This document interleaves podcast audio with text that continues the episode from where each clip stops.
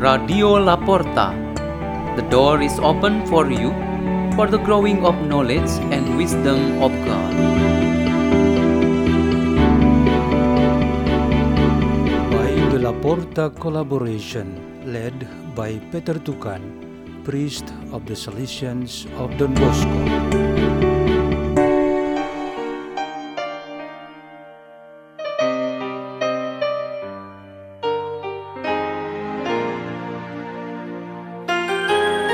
Readings and meditation on the Word of God on the second Sunday of Advent, December 6, 2020.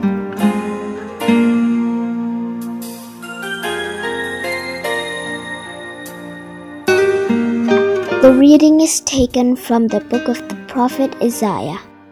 Comfort, give comfort to my people, says your God. Speak tenderly to Jerusalem and proclaim to her that her service is at an end. Her guilt is expired. Indeed, she has received from the hand of the Lord double for all her sins. A voice cries out, In the desert prepare the way of the Lord, make straight in the wasteland a highway for our God. Every valley shall be filled in, every mountain and hill shall be made low, the rugged land shall be made a plain, the rough country a broad valley. Then the glory of the Lord shall be revealed, and all people shall see it together. For the mouth of the Lord has spoken. Go upon to a high mountain, Zion, herald of glad tidings. Cry out at the top of your voice, Jerusalem, herald of good news. Fear not to cry out and say that to the cities of Judah, Here is your God. Here comes with power the Lord God, who rules by his strong arms. Here is his wa- reward with him, his recompense before him. Like a shepherd, he feeds his flock. In his arms, he gathers the lambs, carrying them in his bosom, and leading the ewes with care. The word of the Lord.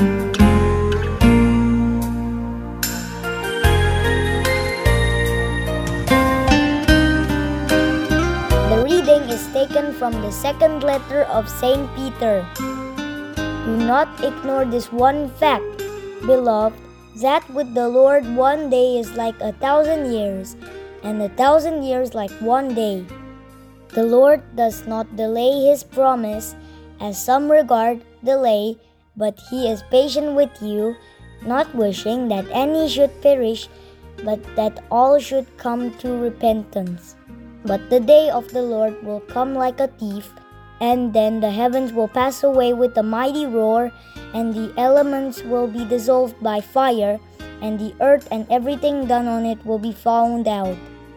Since everything is to be dissolved in this way, what sort of persons ought you to be, conducting yourself in holiness and devotion, waiting for and hastening the coming of the day of God, because of which the heavens will be dissolved in flames, and the elements melted by fire? But according to his promise, we await new heavens and a new earth, in which righteousness dwells.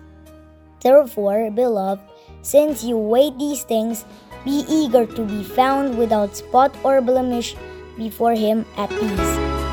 The word of the Lord.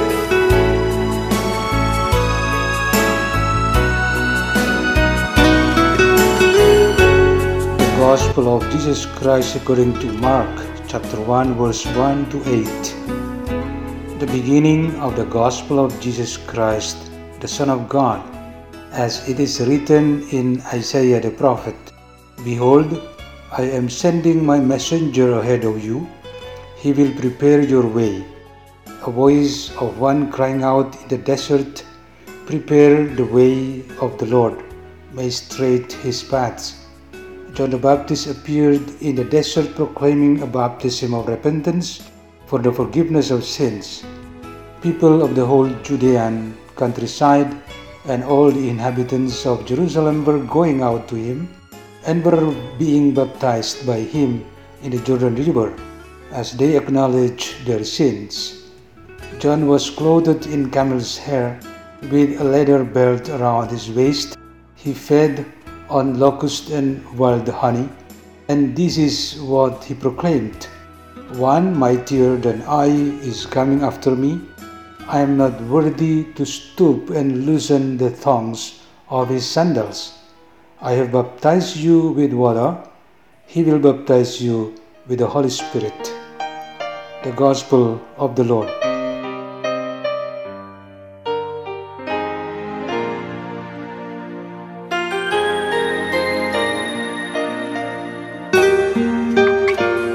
Our meditation on the second Sunday of Advent has the theme The Voice That Drops and Carries the Word.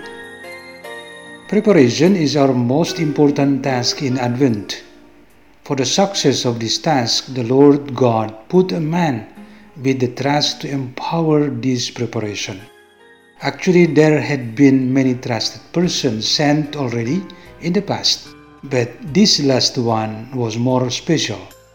He was John the Baptist, the one who became the last prophet. His main task was to prepare the way for the coming of Jesus Messiah, the Son of God, the eternal Word who became man. In the second Sunday of Advent, a special lesson for us is the spirituality of Saint John the Baptist. We can summarize his spirituality in this sentence the voice that drops and carries the word. John identified himself as the voice. The prophets who had spoken in the Old Testament came to the culmination in the person of Jesus Christ through the nearest voice before Jesus, which was John. The Old Testament prophets represented by the prophet Isaiah, who today tells us on the importance of preparing ourselves physically and spiritually for our salvation. John was the voice closest to Jesus the Messiah, and he himself introduced Jesus to the world. They both had known each other while they were still in the womb of their respective mothers, who were also cousins. Another sign of closeness is that they both were filled with the Holy Spirit. John embraced an ascetic life until the time he appeared in public to carry out his mission. Jesus, as the Son of God, was truly united with the Holy Spirit and the Father. They together baptized people. John used the Jordan water which signified repentance from sins and made people worthy to receive the Messiah.